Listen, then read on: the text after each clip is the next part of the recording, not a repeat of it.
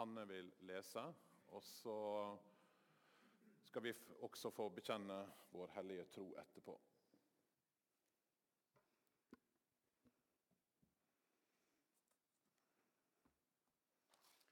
Jeg skal lese fra 2. Timoteus kapittel 3, vers 14-17. Men du skal holde fast på det du har lært og er blitt overbevist om. Du vet jo hvem du har lært det av. Helt fra du var et lite barn, har du kjent de hellige skriftene, de som kan gi deg visdom til frelse ved troen på Jesus Kristus. Hver bok i Skriften er innblåst av Gud og nyttig til opplæring, til rettevisning, veiledning og oppdragelse i rettferd. Så det mennesket som tilhører Gud, kan være fullt utrustet til all god gjerning. Oss og bekjenne vår hellige tro. Vel et par år siden, eh, høsten for to år siden, så talte jeg her i Frikirka, og da var temaet 'Kan vi stole på Bibelen?' Det ligner nesten på dagens tema, men vi har prøvd å spisse temaet litt mer i dag til å sette inn ordet 'heile'. Kan vi stole på hele Bibelen? Eller er det ting vi må kutte ut? Er det ting vi må klippe ut? Sånn som president Thomas Jefferson, Amerikas tredje president, han var kjent for å ha et Nytestamente der han hadde klippet ut alle Jesu under. Han syntes det var greit med Jesus som en forbilde og ideal, men han kunne ikke tro på undera, så han klippte dem like godt ut. Og Det har jo blitt eh, tydeligere og kanskje mer utfordrende også for kristne i vår tid, dette her. For det er mange som sier ja, vi tror jo at Bibelen er Guds ord, men ikke alt som står der. Vi kan vel klippe ut det vi ikke liker, eller som ikke passer med bildet vi har av hvordan Gud er, og hvem han er kan vi stole på hele Bibelen. Jeg tror, Når jeg ser utover forsamlinga, så er det sikkert noen som tenker ja, det kan vi. Så la oss komme videre og gå over til lovsangen. Men jeg tror også det er ganske mange som, som strever litt med dette her. Og som tenker, og som leser, og som syns her er det problematiske ting. Og Selv om preikene her i Frikirka er ganske lang, hvis du er på besøk, så må jeg bare advare deg. Det tar litt tid, dette her. Men selv om de er ganske lang, så rekker ikke jeg å komme inn på alt på dette temaet i dag. Så jeg kan anbefale dere en veldig god bok eh, av en anglikansk biskop som heter Tom Wright. Jeg kan egentlig anbefale alt han har skrevet, hvis dere lurer på det. Han er utrolig produktiv, men han har skrevet utrolig masse. Men den boka som på en måte tar opp dette spørsmålet på en utrolig spennende han er jo en intellektuell av format, Tom Wright. Men han skrev altså en bok som heter 'Scripture and the Authority of God'. Skrifta og Guds autoritet. I den boka så, så, begynner han på en måte med å snakke om dette med Guds autoritet. Nemlig at Gud har all makt i himmel og på jord, sånn som Jesus sa det. At Gud er herre. Han er universets skaper. Han er universets opprettholder. Men hvordan utøver Gud sin makt, sin allmakt og sin autoritet? Og så sa han, Hvis det er slik at Gud utøver sin autoritet gjennom sine ord, ja, så har også hans ord autoritet. Men så peker Wright på noe viktig. Når vi skal snakke om dette, så må vi forstå at Bibelen er ei frelseshistorie, slik som vi har sett det gjennom tidslinja. Den vil vise oss Guds handling gjennom historia, Guds frelsesplan, den røde tråden, slik som vi så det i tidslinja. Den er ikke ei samling av tilfeldige ord og påbud og lover og regler og, som du kan plukke i og ta ut akkurat sånn som det passer deg eller ei liste med hva du skal gjøre for å komme nærmere Gud. den er ei frelseshistorie. Og Dermed, sier han, så er både Bibelen ei bok som forteller om denne frelseshistoria. Den gir oss på en måte historia, men den er også samtidig en del av den måten Gud bringer si frelse på. Gud bringer si frelse gjennom sine ord.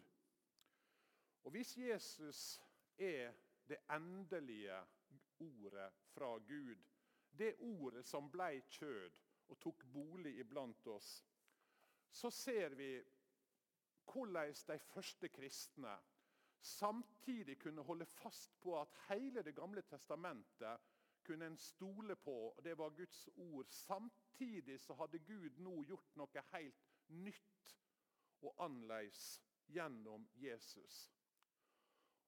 Og For å avslutte med Wright. Han bruker et eksempel som jeg synes var ganske, det var utrolig treffende. Synes jeg. jeg har ikke hørt det før, men det var på en måte Yes, dette gir mening. Han sier tenk deg noen oppdagelsesreisende som bygger et skip, og som setter av gårde over det enorme havet for å oppdage nytt land en plass der framme.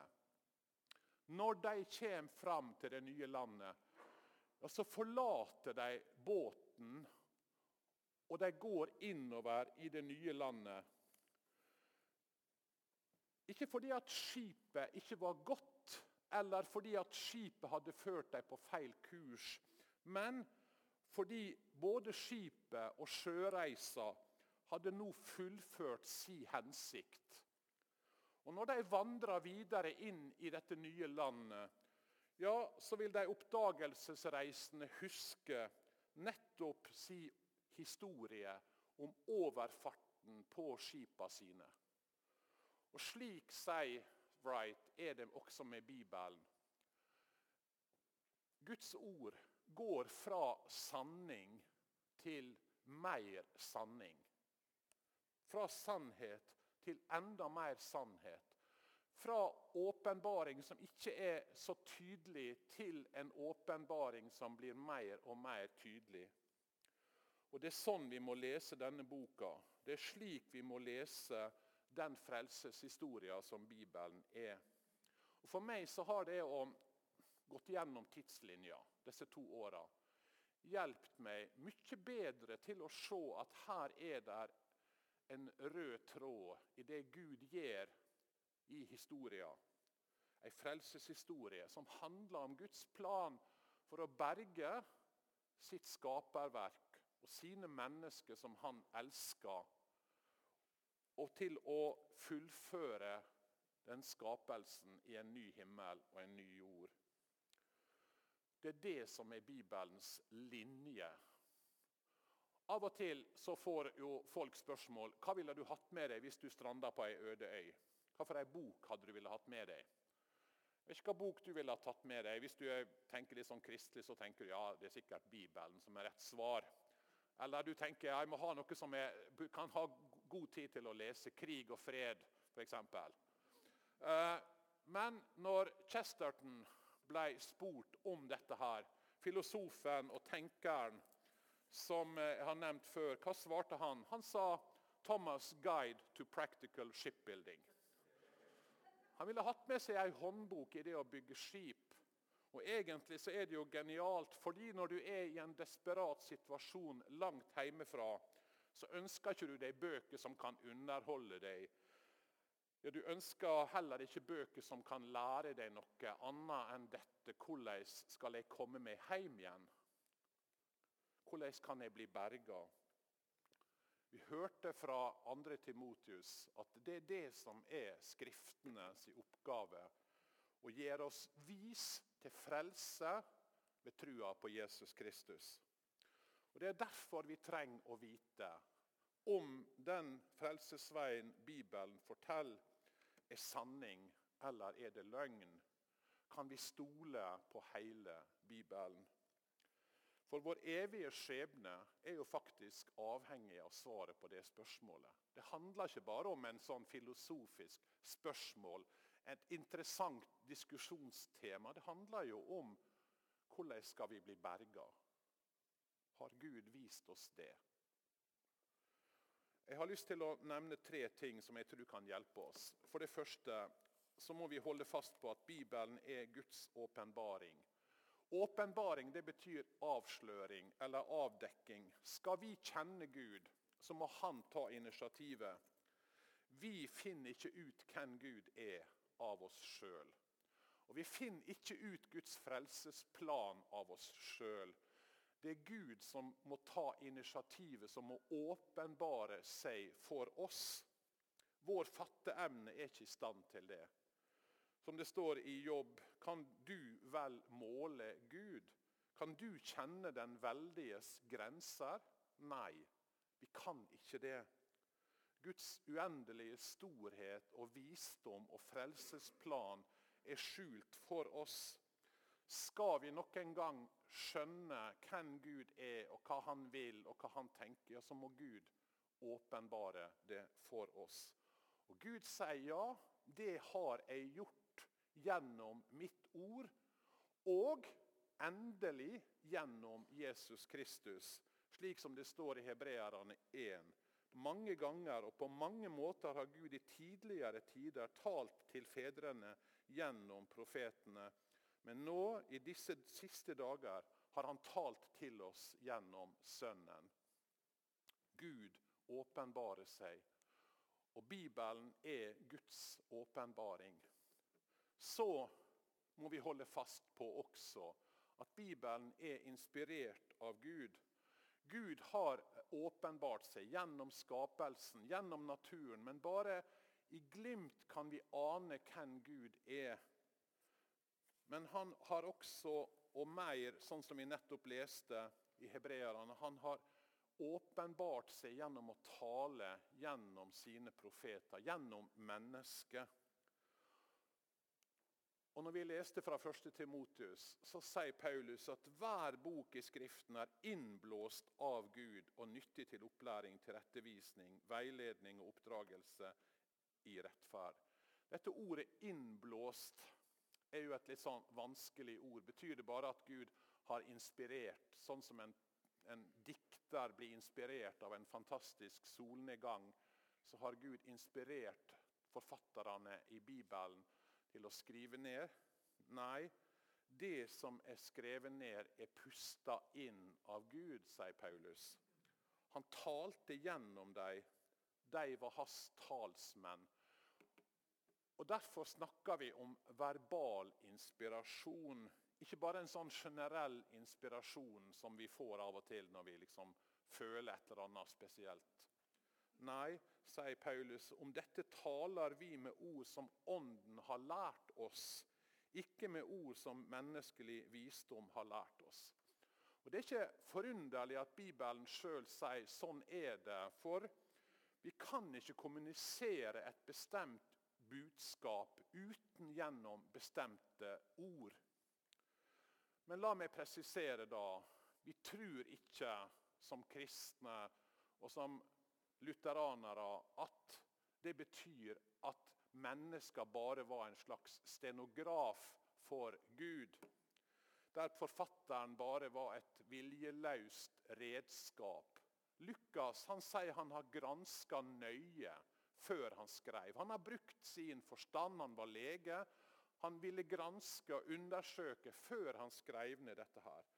Og De som skriver, bruker sin egen personlighet, sine egne ord, sitt eget ordforråd, sin egen stil. Og Gud gjør tydeligvis bruk av deres temperament og bakgrunn og erfaring når han ga dem sitt budskap. Så vi tror altså at Bibelen både er Guds ord og er ord fra mennesket. Slik som av og til så står det at Herren talte. Andre ganger står det at Herren sa gjennom sine profeter. Noen ganger blir lova sagt er Moses' lov. Andre ganger blir det sagt dette er Herrens lov. På den ene sida åpenbarte altså Gud og hindra mennesket i å skrive ting som var feil, tenker jeg. På den andre sida er dette mennesket som fritt brukte sine evner, men uten å forgripe seg på det guddommelige budskapet. Deres ord var også virkelig deres ord. men de var også Guds ord. Og Dette er på en måte litt av det samme vi ser med Jesus. Han var både fullt ut menneske, men han var også Gud. Betyr det at hvert ord i Bibelen bokstavelig talt er sant? Ja, Her kommer vi jo til vanskelige ting. Og Svaret for meg er veldig tydelig nei. Og Det høres kanskje rart ut. Men det er så enkelt som at tar du ei setning fra Bibelen ut av sin sammenheng, f.eks., så kan den være bokstavelig talt feil. Et godt eksempel vil dere finne når dere leser Jobbs bok. Jobb som blir altså plaga og som har masse lidelse. Han får besøk av tre venner som prøver å forklare Jobb hva er det som har skjedd, hvorfor er dette her hendt, og hva Jobb er skyldig i.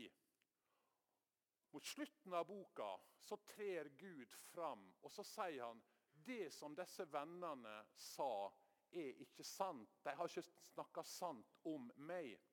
Så hvis du skal forstå Jobbs bok, så må du lese den i lys av de siste fem kapitlene. Tar du ut ei setning fra første delen av Jobbs bok, så kan det hende det er nettopp det som Gud sier. Dette er ikke sant. Så Vi må lese Bibelen i en sammenheng. Og vi må også skjønne at Bibelen bruker poetiske bilder, f.eks. Når det står i salmene at vi skjuler oss under Guds vinger, betyr det da at Gud er en fugl med fjær og med vinger? Nei, selvsagt skjønner vi at dette er poetisk språk. Og Når det står at sola i Salme 19 gleder seg til å løpe sin bane, og når det står at eh, den gjør sin rundgang så er det jo folk som tar ut det verset og sier Der ser dere. Bibelen påstår at sola går rundt jorda. Og så kan du som er litt mer klok, tenke som så Når vi snakker om at det var en fantastisk soloppgang i dag, mener vi da virkelig at sola sto opp? Vi bruker poetiske språk, og sånn gjør Bibelen det òg. Når folk harselerer med enkeltvers fra Bibelen, så har jeg av og til lyst til å si hvis ikke du forstår at dette er en bok for voksne, som du må lese ut fra hva slags bok det er, så hold deg til krim, da. Jeg kan ikke si det, men det er nesten sånn at du må tenke det. Ja. Bibelen er inspirert av Gud, og Bibelen er vår autoritet. Og Det er her vi kommer til det virkelig krevende. da. Hvis Bibelen er Guds ord, så har den autoritet over oss. Ja, over alle mennesker. For bak den som taler, står jo den Bak orda så står jo den som taler. Og dersom Gud er Gud, ja, så bærer Hans ord, hans autoritet. Og det er her trua vår og vår lydighet blir utfordra i møte med Guds ord. Peter møtte Jesus, og i det første møtet så sier Jesus ut på, legg ut på djupet, kast garna, og så skal dere få fisk. Og Peter hadde vært fisker på Genesaretsjøen i veldig mange år. Han visste at dette her er tull. Dette her er ikke, det er i strid med all min erfaring. Du kan kaste garn på Sunnmøre i fjordene og få fisk på djupet, men ikke Genesaretsjøen. Men hva er det Peter sier i dette møtet her? Han sier, 'Mester, vi har strevd hele natten og ikke fått noe.' 'Men på ditt ord vil jeg sette garn.' Så gjorde de det og fikk så mye fisk at garnet holdt på å remne. På ditt ord, sier Peter så gjør jeg dette.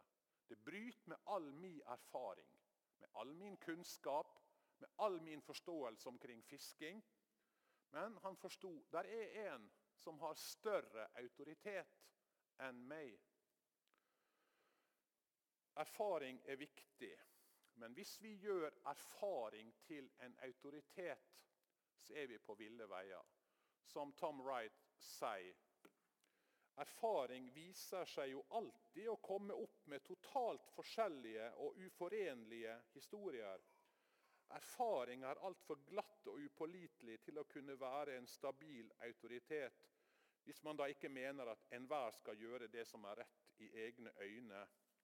Og Det betyr jo da selvsagt at det ikke finnes noen autoritet i det hele tatt.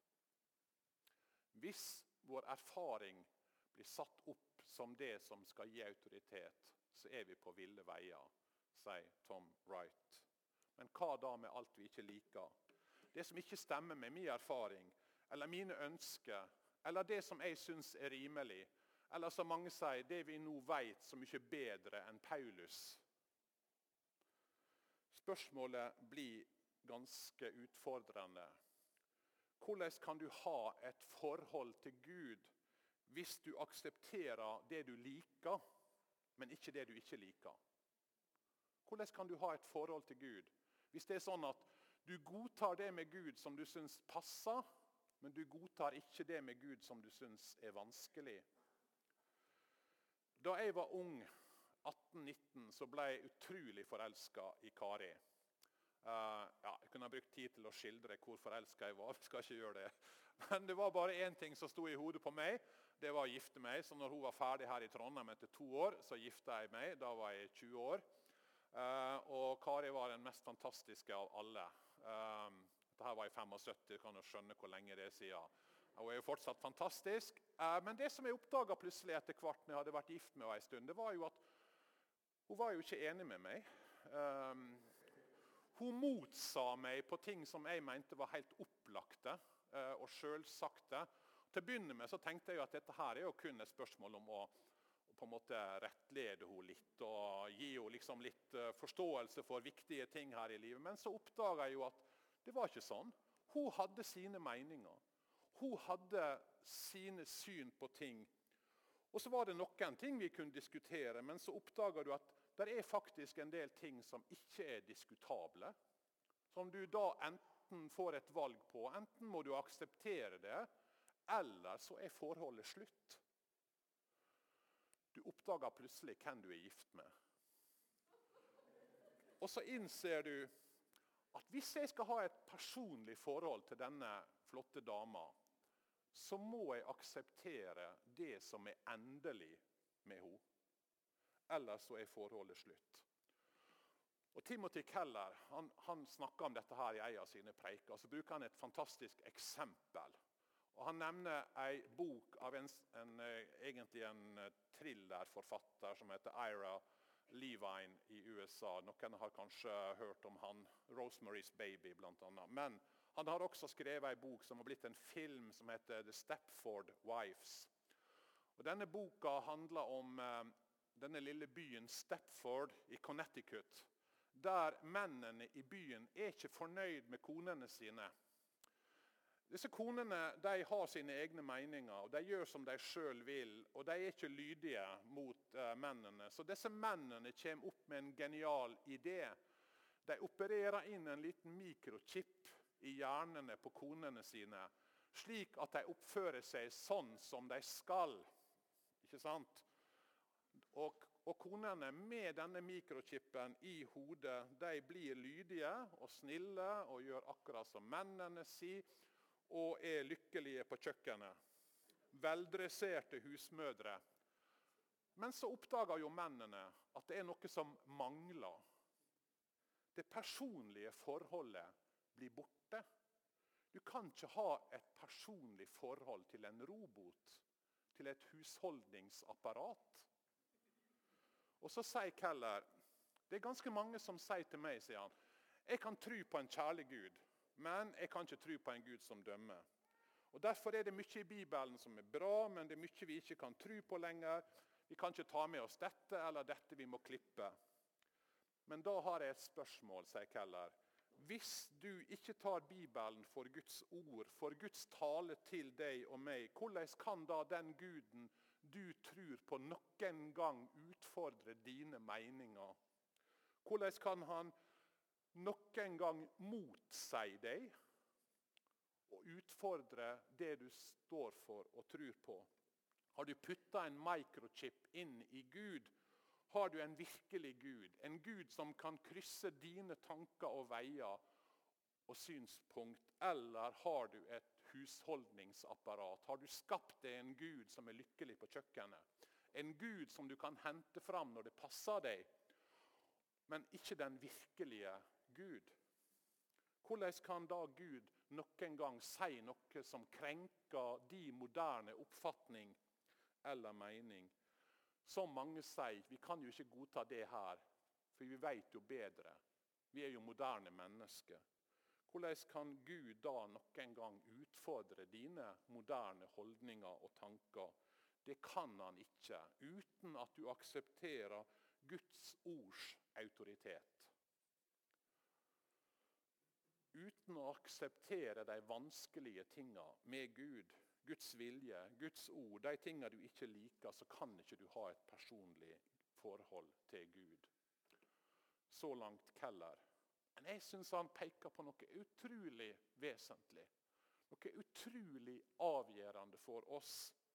Enten må vi akseptere Guds autoritet, eller så er ikke det den sanne og ekte Gud vi tror på. Da har vi skapt oss en Gud som passer i vårt eget bilde. Er det noe som er avgudsdyrking, så er det jo nettopp dette å skape seg en gud i sitt eget bilde. En slik tru er altså en tru på en gud som vi plasserer på kjøkkenet, og som vi tar fram når det passer oss. En slik tru holder ikke. Den heller ikke i møte med livets store spørsmål. Det er en for enkel Gud som den britiske filosofen Evelyn Underhill sier, en gud som er liten nok til å bli forstått, vil aldri bli stor nok til å bli tilbedt. Du kan få det en liten gud, men ikke en gud som er stor nok til å bli tilbedt og æra og falt ned for og tro på og overgi sine liv til. Kan vi stole på hele Bibelen? Kirka har gjennom alle hundre år sagt ja, du kan stole på hele Bibelen. Det er kanskje bare de siste 100 åra at dette har blitt et spørsmål. Men før det, og de fleste kirker i dag, så vil de aller fleste si ja, dette er Guds åpenbaring, Guds ord. Og Bibelens forfattere sier det samme. Moses sa han fikk lova av Gud. Profetene begynner alltid sine profetier med 'Så sier Herren'. Og Apostlene de kan komme med denne type uttalelse. Derfor takker vi stadig Gud, skriver Paulus. For da dere fikk overlevert det Guds ord som vi forkynte for dere, tok dere imot det ikke som menneskeord, men som det Guds ord som det i sannhet er. Og til slutt, Jesus bekrefter dette her. Vi kan stole på hele Bibelen. Har du lagt merke til hvordan Jesus behandler Det gamle testamentet. Det gamle testamentet som veldig mange i dag har store problemer med og nesten vil bare avskrive. Har du lagt merke til Jesu holdning til Det gamle testamentet? Han stiller seg under autoriteten til Det gamle testamentet. Stadig vekk henviser han til dette er noe som Skriftene sier måtte skje. Ifølge Skriftene. Og Han så profetiene som noe som skulle oppfylles. Når, når han i Getsemane ber Peter stikke sverdet i slira, og sier han det, jeg tror ikke jeg kan be min far, så vil han sende eh, 12, mer enn tolv legioner engler. Men så sier han men hvordan kunne da Skriftene oppfylles, de som sier at dette må skje? Igjen og igjen, når du leser om Jesus, som altså er den endelige åpenbaringa av Gud, så stiller han seg inn under Det gamle testamentets autoritet. Når de diskuterer igjen og igjen har ikke dere lest, sier han til fariseerne. Kjenner ikke dere Skriftene? Skriftens ord var avgjørende. Tro ikke at jeg er kommet for å oppheve loven eller profetene, sier han. Jeg er kommet for, ikke for å oppheve, men for å oppfylle. Igjen tilbake igjen til bildet med oppdagelsesfarerne og skipet og den nye verden. Jeg er kommet. Nå oppfylles det nye. Nå går vi inn i et nytt land. Men det gamle som har vært, blir altså ikke forkasta eller oppheva. Sannelig, jeg sier dere, før himmel og jord forgår, skal ikke den minste bokstav eller den eneste prikk i loven forgå før alt er skjedd. Når vi kaller oss Jesu etterfølgere, og vi sier vi har Jesus som vår Herre, skulle vi da si at det bryr ikke vi oss om? Dette var han, men det bryr ikke vi oss om. Og Det samme med Det nye testamentet. Det var jo ikke skrevet selvsagt, når Jesus gikk her på jorda. Men det var ikke skrevet lenge etterpå. Men det som er hele poenget, er jo at Jesus valgte ut sine apostler. Han ga dem sin autoritet. Og De skrev og de talte med denne autoriteten, slik som Paulus her. ikke sant?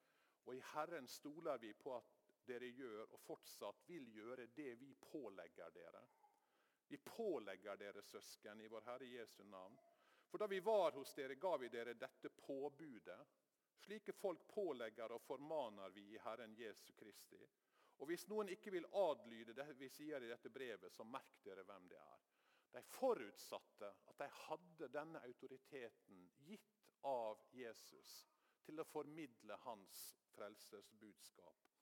Og For meg så har det blitt sånn at jeg tenker ja, enten må jeg ha Jesus som Herre og som autoritet. Og Da må jeg også ha samme syn på Skrifta som han. Eller så må jeg si at Jesus tok feil. Og hvor fører det meg hen? Fører meg ingen steder. Skulle han ta feil? Skulle Jesus ha tilpassa seg? Han, han visste at dette her var feil, men han brydde ikke seg med å si det. Vil ikke han da være den virkelige hykleren? Han som motsa mennesket på alle punkt. Hvis en tok feil om Det gamle testamentet, skulle ikke han ha sagt det. Og jeg tenker, eh, Det å akseptere Bibelens autoritet er ikke verken en slags mørkemann-ting eller en sånn religiøs sær, særordning eller en slags særhet. Det er ganske enkelt den rette kristne tingen å gjøre.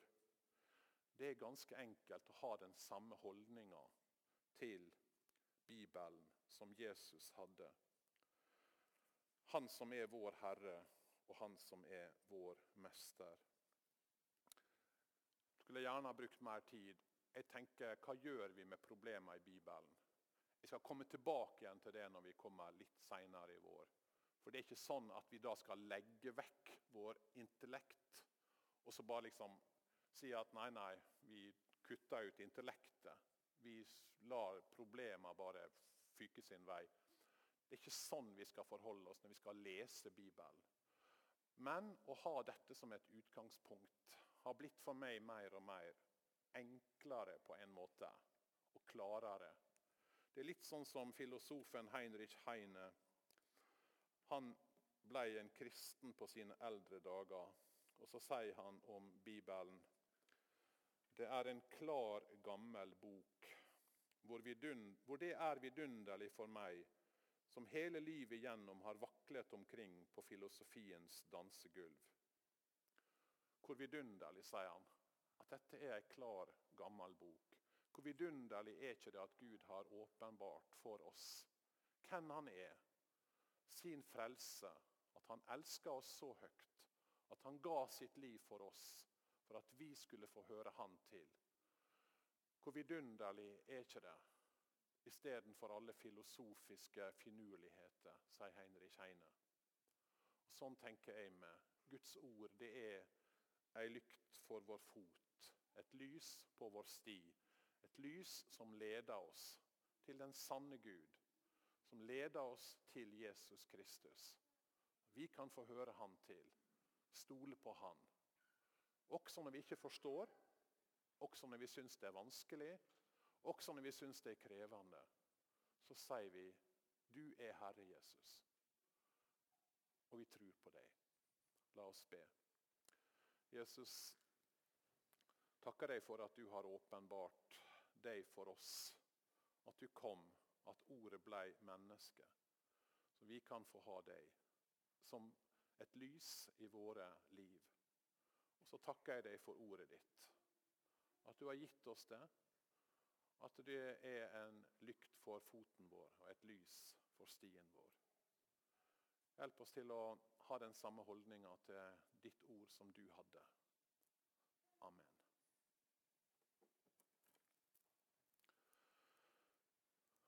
Skal synge en, en sang om Guds ord nå, og vi skal fortsette også med noen lovsanger.